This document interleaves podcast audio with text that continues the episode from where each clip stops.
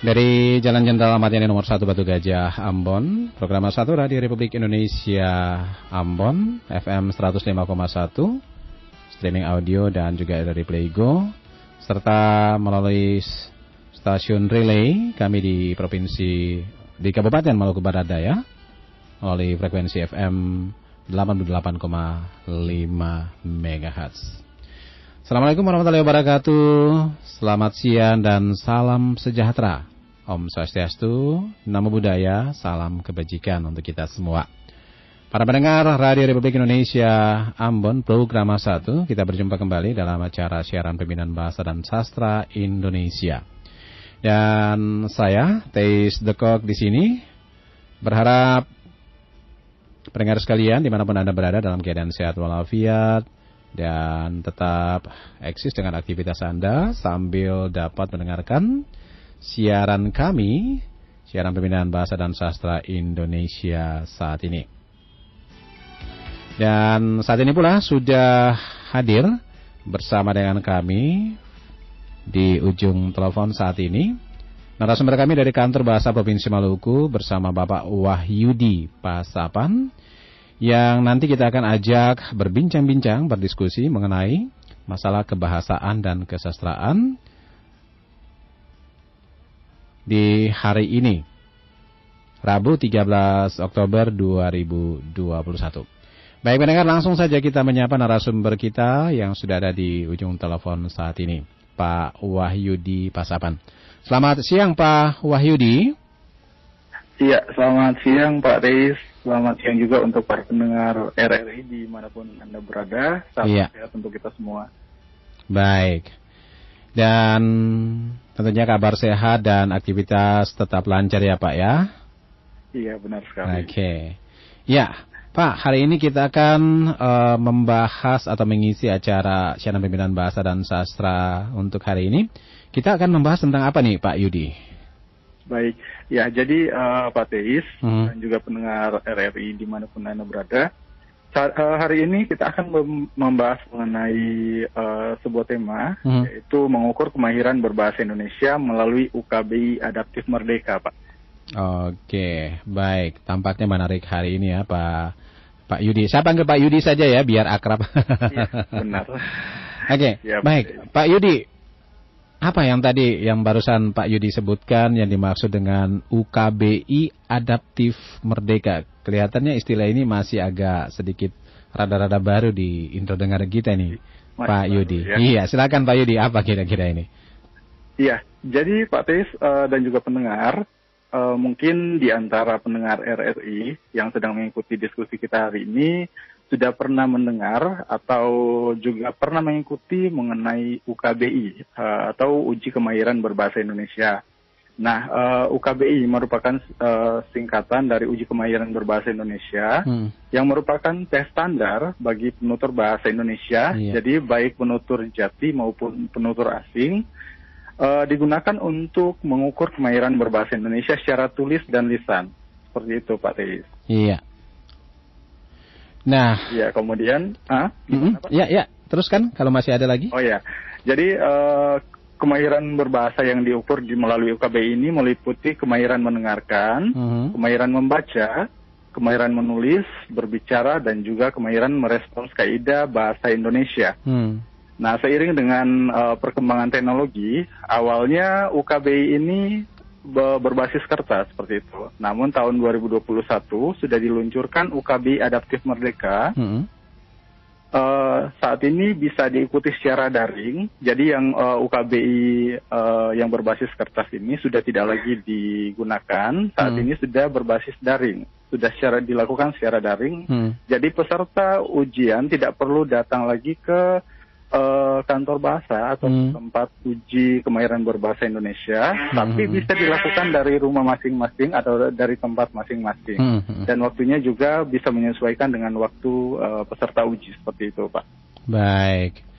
Iya, dalam peraturan Menteri Pendidikan dan Kebudayaan nomor 70 tahun 2016 tentang standar kemahiran berbahasa Indonesia. Itu yang dimaksud dengan UKBI ya, Pak ya, Yudi ya. Jadi ini sudah diatur dalam per, uh, peraturan Menteri Pendidikan hmm, hmm. nomor 70 tahun 2016. Iya, baik.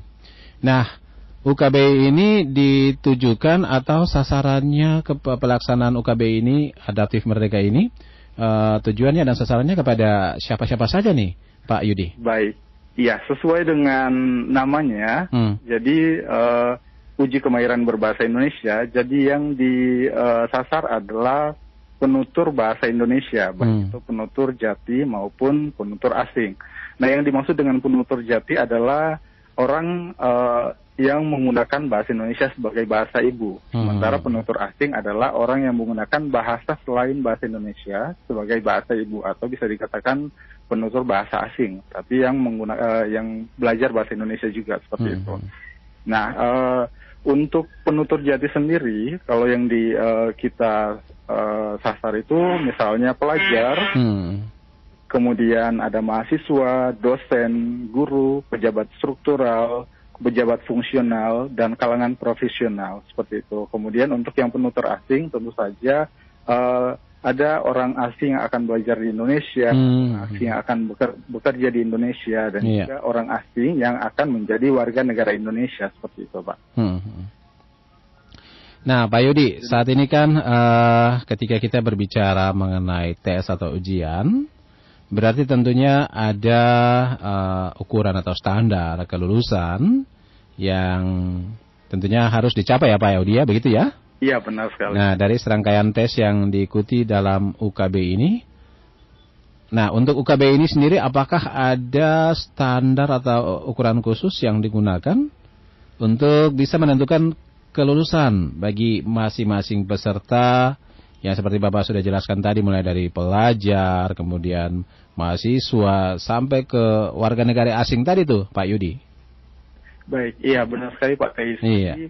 Uh, Pak Teis dan juga pendengar untuk uh, eh, UKBI Adaptif Merdeka ini sesuai dengan Permendikbud nomor 70 tahun 2016 tentang standar kemahiran berbahasa Indonesia Uh, itu ada tujuh pemeringkatan kemahiran berbahasa Indonesia dari yang terendah hingga yang tertinggi seperti itu. Jadi uh, hasil atau pemeringkatan ini nantinya didapatkan dari tes UKBI hmm. seperti itu. Untuk pemeringkatannya sendiri, hmm. mulai dari yang terendah itu ada uh, terbatas dengan skor UKBI antara 251 sampai dengan 325 hmm. seperti itu. Kemudian yang kedua itu marginal itu antara 326 sampai dengan 404. Kemudian yang ketiga, uh, yang ketiga semenjana mm -hmm. itu skornya antara 405 sampai dengan 481. Kemudian uh, ada peringkat media yaitu 482 sampai dengan 577. Kemudian uh, ada unggul 578 sampai dengan 640. Kemudian ada sangat unggul antara skor 641 dan uh, sampai dengan 724. Yang terakhir itu uh, yang paling tinggi adalah peringkat istimewa hmm. dengan skor antara 725 sampai dengan 800 Pak. Iya. Itu. Iya, jadi standar kemahiran uh, berbahasa Indonesia setiap orang disesuaikan dengan kebutuhan uh, dan uh, komunikasi dalam dalam komunikasi menggunakan bahasa Indonesia. Misalnya untuk pelajar uh, sekolah dasar itu minimal di, harus lulus uh, UKBI dengan predikat marginal. Hmm. Kemudian untuk SMP minimal dengan predikat semenjana dan SMA minimal uh, predikat media seperti itu. Untuk uh, mahasiswa ini uh, dibagi dua, mahasiswa sarjana dan pasca, pasca sarjana. Hmm. Untuk sar, uh, sarjana sendiri minimal mendapatkan predikat unggul, kemudian yang pasca sarjana minimal mendapatkan predikat uh, sangat unggul seperti itu, Pak. Kemudian untuk yang uh, tenaga pengajar, tenaga pengajar ada guru, dosen dan kepala sekolah seperti itu. Kemudian ada guru, besar juga, guru non bahasa Indonesia dan uh, untuk yang profesional ada uh, pekerja pers seperti itu. Kemudian ada untuk warga negara asing juga seperti itu, Pak. Oke. Banyak sekali ya ini ya ukuran atau standar yang digunakan ya. Iya benar sekali. dari ya. berbagai unsur dari pelajar, mahasiswa sampai kepada juga warga negara asing. Iya. Baik. Nah, otomatis ini sudah ada standar standarnya, udah ukurannya juga siapa-siapa saja yang nanti bisa ikutan di UKBI. Lalu bagaimana nih Pak untuk uh, mendaftar uh, masuk UKBI atau ikut UKBI adaptif nih? Apakah uh, mendaftarkan langsung ke kantor bahasa atau ya tahu kan karena pandemi atau online seperti apa saat ini Pak Yudi? Baik, ya jadi uh, Pak Teis dan juga pendengar hmm. untuk saat ini uh, karena menyesuaikan dengan pandemi juga oleh karena itu diluncurkan UKBI Adaptif Merdeka. Hmm. Nah UKBI Adaptif Merdeka ini para peserta tidak perlu datang lagi ke kantor bahasa untuk melakukan pendaftaran atau tidak perlu datang ke Tukbi ya untuk melakukan pendaftaran. Cukup uh, mengakses dari rumah saja Pak seperti itu. Bisa mengakses uh, atau membuat akun langsung dari rumah di laman ukbi titik kemdikbud titik go titik uh, id dan ini bisa diakses dari mana saja dan kapan saja seperti itu Pak untuk pendaftarannya. Iya, jadi uh, tapi tentu saja karena ini uh, berhubungan dengan akses internet, maka harus dipastikan bahwa peserta berada di akses internet yang stabil sebelum melakukan pengujian, Pak Teis. Jadi uh, setelah semuanya sudah disiapkan, jadi ada beberapa hal yang perlu disiapkan juga Pak Teis untuk bisa mendaftar karena ini secara mandiri ya. Iya. Jadi yang pertama tentu saja uh, perangkat yaitu perangkat komputer. Jadi untuk UKB ini tidak bisa menggunakan perangkat handphone hmm. karena nanti uh, ada beberapa fitur yang harus digunakan, misalnya untuk mendengarkan dan itu kalau menggunakan handphone akan terlihat sangat kecil kalau hmm. uh, untuk soal-soalnya seperti itu. Jadi uh, disarankan untuk menggunakan uh, laptop atau komputer dengan uh, perangkat kamera seperti itu Pak karena nanti akan ada pengawasan langsung dari Jakarta dan dari uh, kantor bahasa juga seperti itu. Hmm. Ya kemudian setelah uh, selain itu ada penguat pendengaran atau headset misalnya. Iya. Yang tidak kalah penting juga karena nanti akan uh, diverifikasi melalui ponsel atau email maka peserta harus uh, menyediakan ponsel atau email yang aktif seperti itu yang digunakan untuk melakukan pendaftaran akun. Kemudian tentu saja akses internet yang stabil dan uh, foto kartu identitas serta pas foto digital yang nanti akan diupload pada saat uh, peserta melakukan pendaftaran. Jika semuanya sudah siap, nanti peserta langsung saja melakukan pendaftaran di laman ukbi.kemdikbud.go.id Pak, seperti itu. Nanti tinggal pilih untuk menu daftar peserta, Nah, setelah uh, peserta selesai melakukan pendaftaran di laman tersebut, hmm. nanti akan ada email verifikasi yang masuk ke uh, poselnya tadi. Makanya tadi saya uh, sarankan dipastikan posel yang digunakan adalah posel yang aktif, karena nanti akan diverifikasi juga melalui email tersebut atau posel tersebut. Nah, uh, karena ini juga sifatnya berbayar, nanti setelah melakukan pendaftaran, calon peserta akan diarahkan untuk melakukan pembayaran pada rekening yang sudah ditentukan. Hmm. Setelah itu baru uh, di akunnya akan muncul waktu pendaftaran yang sudah dipilih dan juga uh, bisa memulai ujian ketika waktu ujiannya sudah tiba. Seperti hmm. itu, Pak. Oke. Itu ya cara pendaftaran untuk UKBI ya. ya Baik. Dan tadi Pak Yudi sudah menjelaskan panjang lebar mengenai kemahiran berbahasa yang diuji melalui UKB ini dan sekaligus juga bagaimana cara mendaftarnya. Nah, nah ketika sudah mendaftar dan sudah mendapatkan apa itu tadi, ya, semuanya yang sudah disampaikan, ya, setelah dibayar dan uh, ketika waktu ujian ditampilkan pada akun masing-masing. Iya. Dan tombol mulai akan segera aktif ketika jadwal ujian tiba nanti. Nah, apakah uh, pada saat ujian ini peserta bisa memilih jenis pengujian yang ingin diikuti? Uh, misalnya begini Pak, uh, peserta bisa menguji uh, ingin menguji kemahiran membaca. Apakah uh, bisa memilih untuk tes kemahiran membaca saja kah? Ataukah dia wajib mengikuti semua yang ada? Baik, ya. Ini pertanyaan yang uh, cukup menarik juga, hmm. Pak Teis ya. Iya. Jadi di UKBI uh, yang terbaru saat ini, kalau yang sebelumnya mungkin uh, yang berbasis kertas itu harus mengerjakan semuanya ya, seperti itu. Tapi untuk saat ini uh, kita punya tiga paket uh, soal, kita hmm. tiga punya paket pengujian.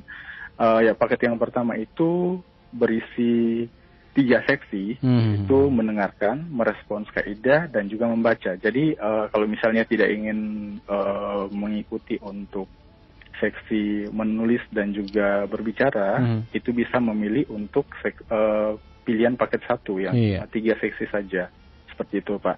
Kemudian kalau misalnya memilih untuk paket uh, soal dua itu nanti akan mengerjakan empat seksi, hmm. yaitu mendengarkan, merespons kaidah, membaca dan ditambahkan dengan menulis seperti itu. Hmm. Dan yang uh, paket yang terakhir, paket yang ketiga itu adalah paket yang lengkap.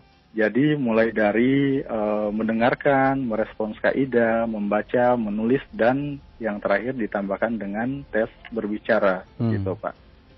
Iya. iya. Namun unik uniknya dari UKBI Adaptif Merdeka ini, ini uh, sistemnya sudah menyesuaikan kemampuan atau estimasi kemampuan dari masing-masing peserta Pak seperti itu.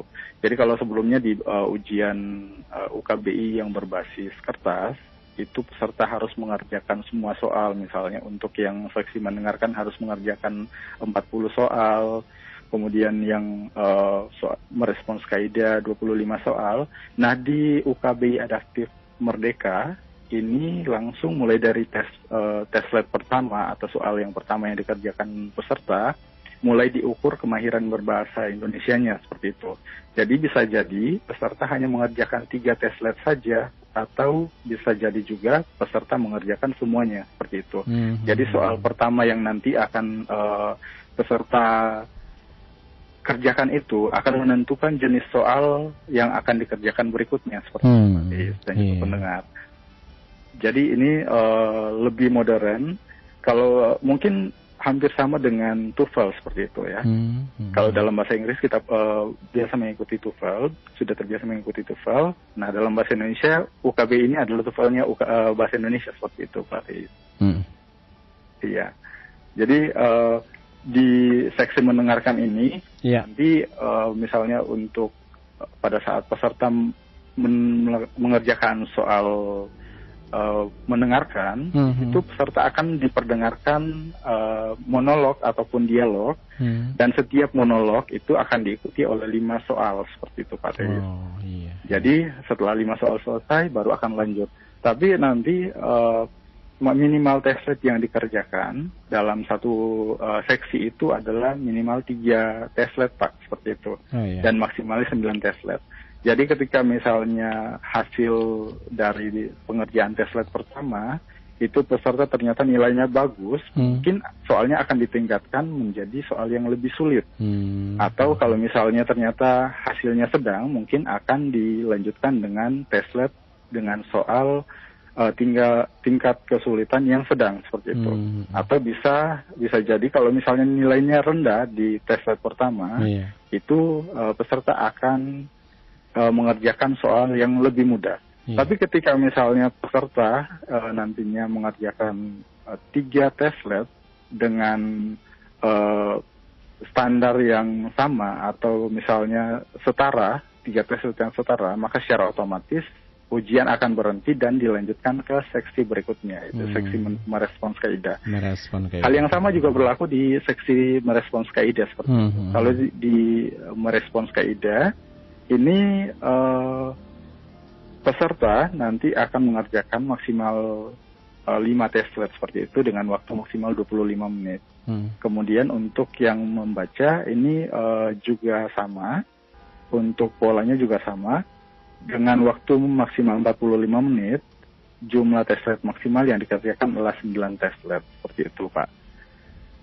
Kemudian untuk yang seksi uh, kalau uh, mengikuti seksi uh, menulis nanti akan ada dua tugas uh, menulis Pak Teis. Iya. Seperti itu dan juga pendengar. Jadi uh, tugas yang pertama yang dikerjakan selama 10 menit ini uh, peserta harus menulis uh, sesuai dengan tema yang sudah diberikan, yaitu minimal 100 kata. 100 kata. Kemudian uh, soal berikutnya untuk tugas kedua dapat dikerjakan dalam waktu 20 menit hmm. dengan maksimal uh, dengan minimal ya minimal 150 kata. Kemudian wacana ini nanti akan dinilai di, uh, dari segi isi, kemudian alur, kosakata yang digunakan, serta penerapan tata bahasa Indonesia seperti hmm. itu Pak. Ya kemudian untuk uh, seksi 5 hmm. yaitu seksi berbicara ini uh, ada dua soal juga yang nanti akan dikerjakan. Nanti masing-masing uh, dikerjakan dalam waktu 10 menit dan 15 menit. Peserta akan diminta untuk mempresentasikan soal yang didapatkan dalam bentuk wacana lisan. Hmm. Ini hanya bisa direkam uh, satu kali saja. Jadi peserta harus uh, langsung mengerjakan soal tersebut satu kali. Jadi tidak bisa diulang untuk rekamannya. Sama dengan uh, tes menulis, hmm. ini wacana yang uh, dinilai adalah dari segi isi, kemudian alur, kemudian kosakata, dan penerapan tata bahasa Indonesia, termasuk pelafalan seperti itu, Pak. Hmm. Iya. Ya. Baik Pak Yudi, wah ini sepertinya Pak Yudi menjelaskan dengan begitu gamblang dan begitu jelas ya. Nah, sepertinya kita mungkin terdengar uh, rumit ya, Pak.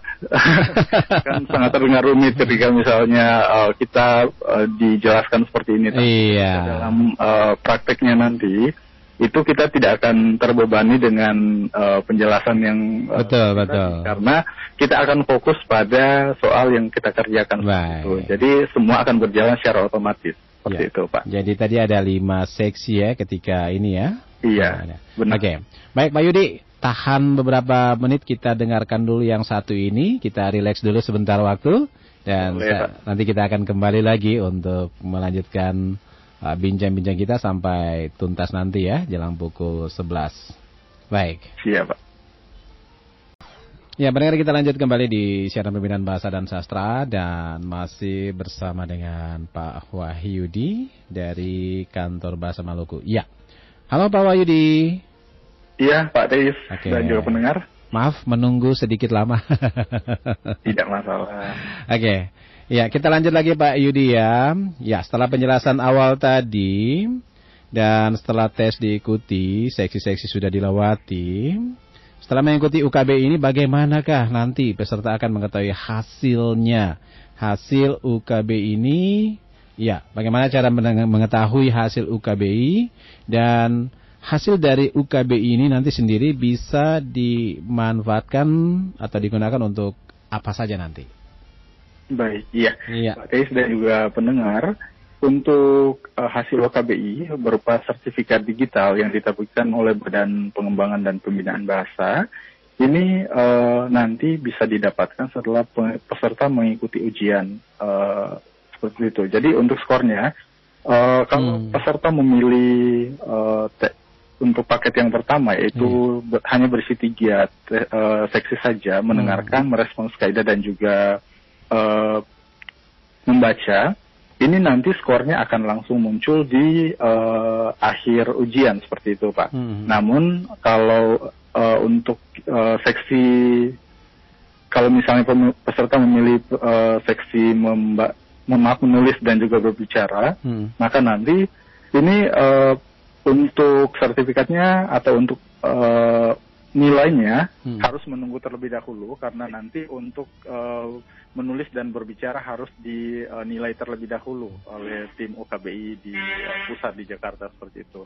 Kalau uh, sertifikatnya sendiri nanti uh, bisa didapatkan setelah ditandatangani secara elektronik oleh Kepala Badan Pengembangan dan Pembinaan Bahasa di uh, Jakarta.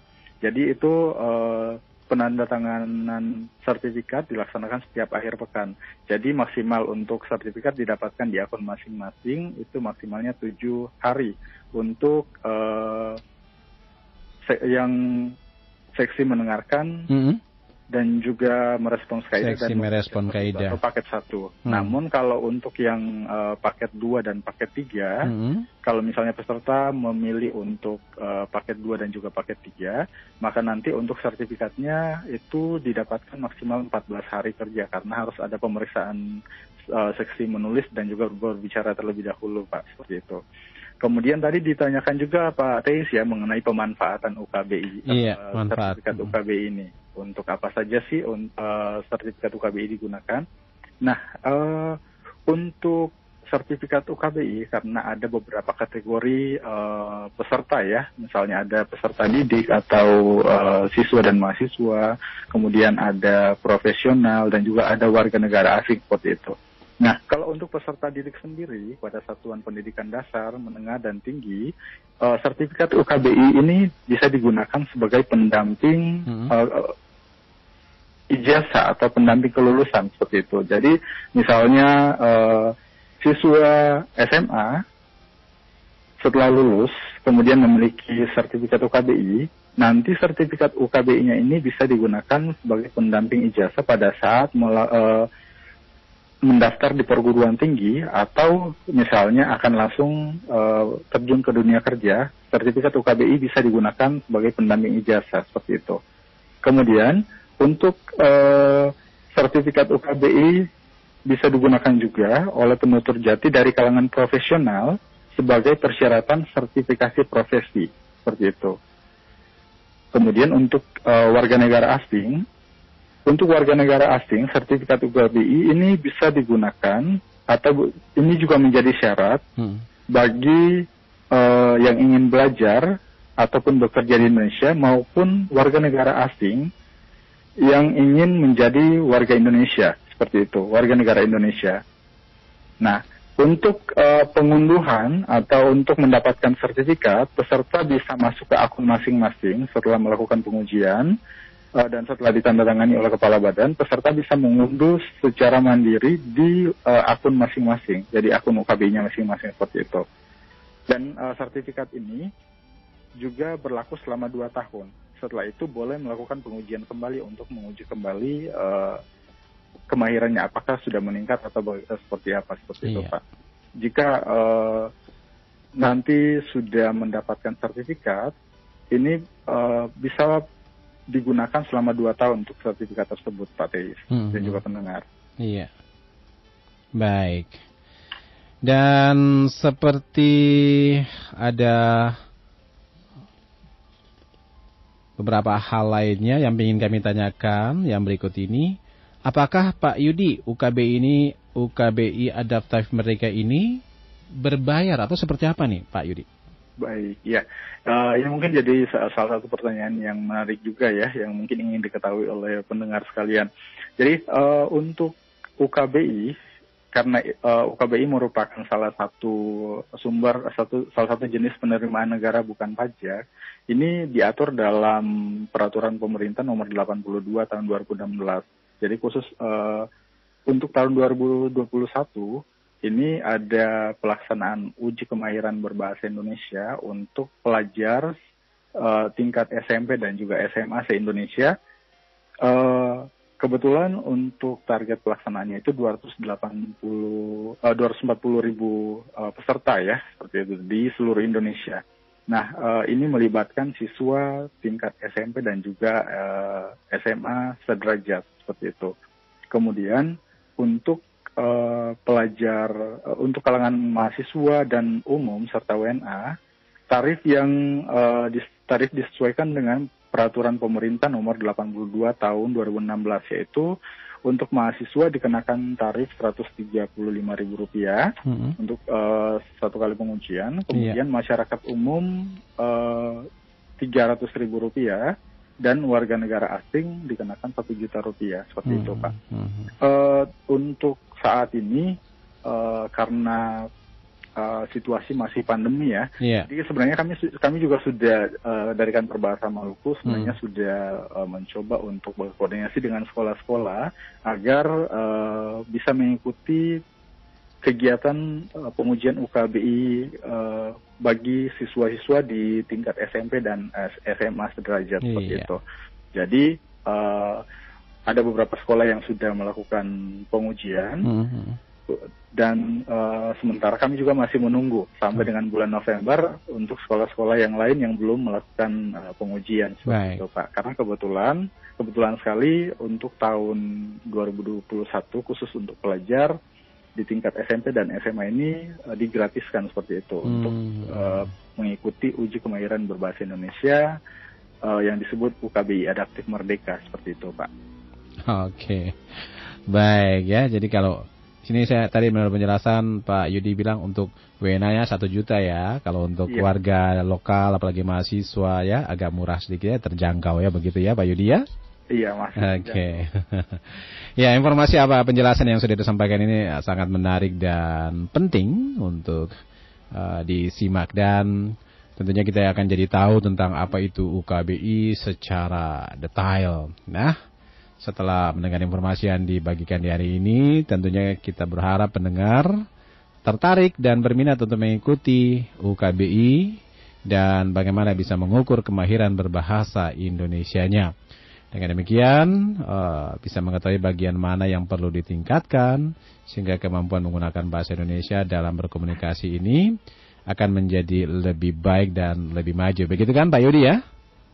Iya, benar okay. sekali Pak Teis. Ya, Pak Yudi sebelum kita mengakhiri bincang-bincang kita, mungkin ada yang mau ditambahkan lagi di sebelum kita akhiri acara kita ini, Pak Yudi, silakan. Baik, mungkin uh, ini semacam imbauan saja ya, hmm. karena untuk saat ini kan UKBI uh, eh, adaptif merdeka iya. sudah lebih mudah diakses seperti itu. Jadi uh, proses pengujiannya pun bisa dilakukan dengan mudah. Hmm. Nah, saya berharap uh, setelah men mendengar uh, mendapatkan informasi yang kita bagikan hari ini, Pak Teis, hmm. itu pendengar dapat mengikuti UKBI dan dapat mengetahui kemahiran uh, kemahirannya masing-masing dalam hmm. bahasa Indonesia. Kemudian uh, salah satu yang mungkin bisa uh, saya informasikan bahwa di laman UKBI uh, Adaptif Merdeka, hmm. uh, yaitu UKBI titik uh, Kemdikbud titik go titik id, hmm. Uh, para pendengar bisa mencoba untuk melakukan simulasi terlebih dahulu. Jadi ada oh, soal iya. simulasi hmm. dan juga ada uh, pelatihan untuk melatih uh, dan membiasakan diri terlebih dahulu iya. uh, mengenai soal-soal yang nantinya akan didapatkan di uh, pengujian yang sebenarnya seperti itu. Jadi sebelum melakukan pengujian, kalau memang masih ragu-ragu atau ingin mencoba terlebih dahulu, hmm. maka nanti bisa coba masuk ke uh, menu simulasi yang ada di uh, laman tersebut. Iya. Kemudian melakukan pengujian terlebih dahulu soal simulasi tersebut. Setelah sudah yakin, sudah uh, mengetahui jenis-jenis soal yang akan dikerjakan, maka nanti bisa melakukan pendaftaran atau uh, membuat akun, kemudian melakukan pendaftaran dan memilih jadwal ujian sesuai dengan uh, yang diinginkan seperti itu. Kemudian uh, saya juga menginformasikan bahwa kalau misalnya kebetulan saya di kantor bahasa itu mengurusi iya. uh, atau uh, mengurusi mengenai UKBI ini, maka nanti kalau misalnya ada yang ingin ditanyakan terkait mengenai UKBI, bisa langsung menghubungi kantor bahasa atau bisa langsung uh, ke nomor saya di nomor 0852 hmm. 9980 7124 seperti itu.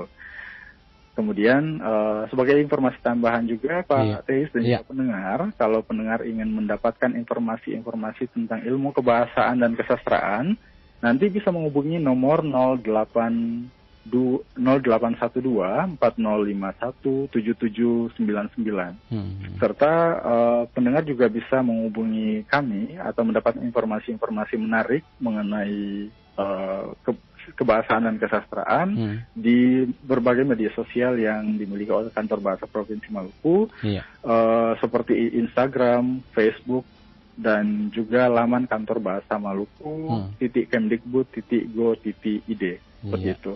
Di media sosial tersebut uh, pendengar bisa mendapatkan informasi-informasi menarik tentang kebahasan dan kesastraan. Hmm. Dan salah satu informasi tambahan juga, uh, jika pendengar ada yang uh, memiliki minat untuk menulis, uh, kantor bahasa memiliki uh, majalah, majalah dua bahasa berbahasa daerah dan berbahasa Indonesia yaitu hmm. majalah Puli, Puli dan iya. juga makal uh, bisa menuangkan makalah ilmiah hmm. tentang bahasa hmm. dan sastra sastra daerah melalui laman Toto Buang iya. titik Kemdikbud titik go titik id seperti itu Pak Teis dan juga pendengar. Baik. Lengkap ya penjelasan Pak Yudi dari awal sampai akhir sekaligus. Iya, iya. bisa memahami. Kalaupun ada yang uh, masih uh, ragu kurang mengenai, hmm. ya masih kurang mengenai UK, uh, eh, UKBI tersebut, hmm. bisa menghubungi saya atau bisa langsung saja. Sebenarnya informasi-informasi yang iya. uh, tersedia yang saya informasikan tadi itu juga dimuat di laman UKBI titik Kemdikbud titik Baik. Baik. Iya. Baik Pak Yudi, banyak sekali yang sudah disampaikan di program siaran pembinaan bahasa dan sastra siang ini. Dan sayang sekali kita harus akhiri. Dan demikian pendengar siaran pembinaan bahasa dan sastra Indonesia untuk edisi Rabu 13 Oktober 2021.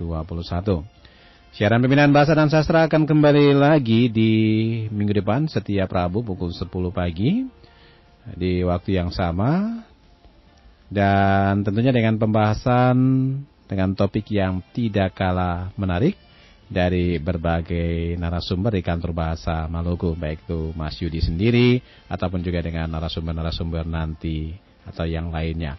Ya, Pak Yudi, sekali lagi terima kasih sudah bersama kami di program acara ini. Sama-sama, terima kasih juga. Selamat siang, salam sehat, Assalamualaikum warahmatullahi wabarakatuh. Salam sehat untuk pendengar kalian, Pak Teis. Ya, sampai jumpa Pak Yudi ya. Sampai jumpa Pak Tis. Baik. Ya. Iya.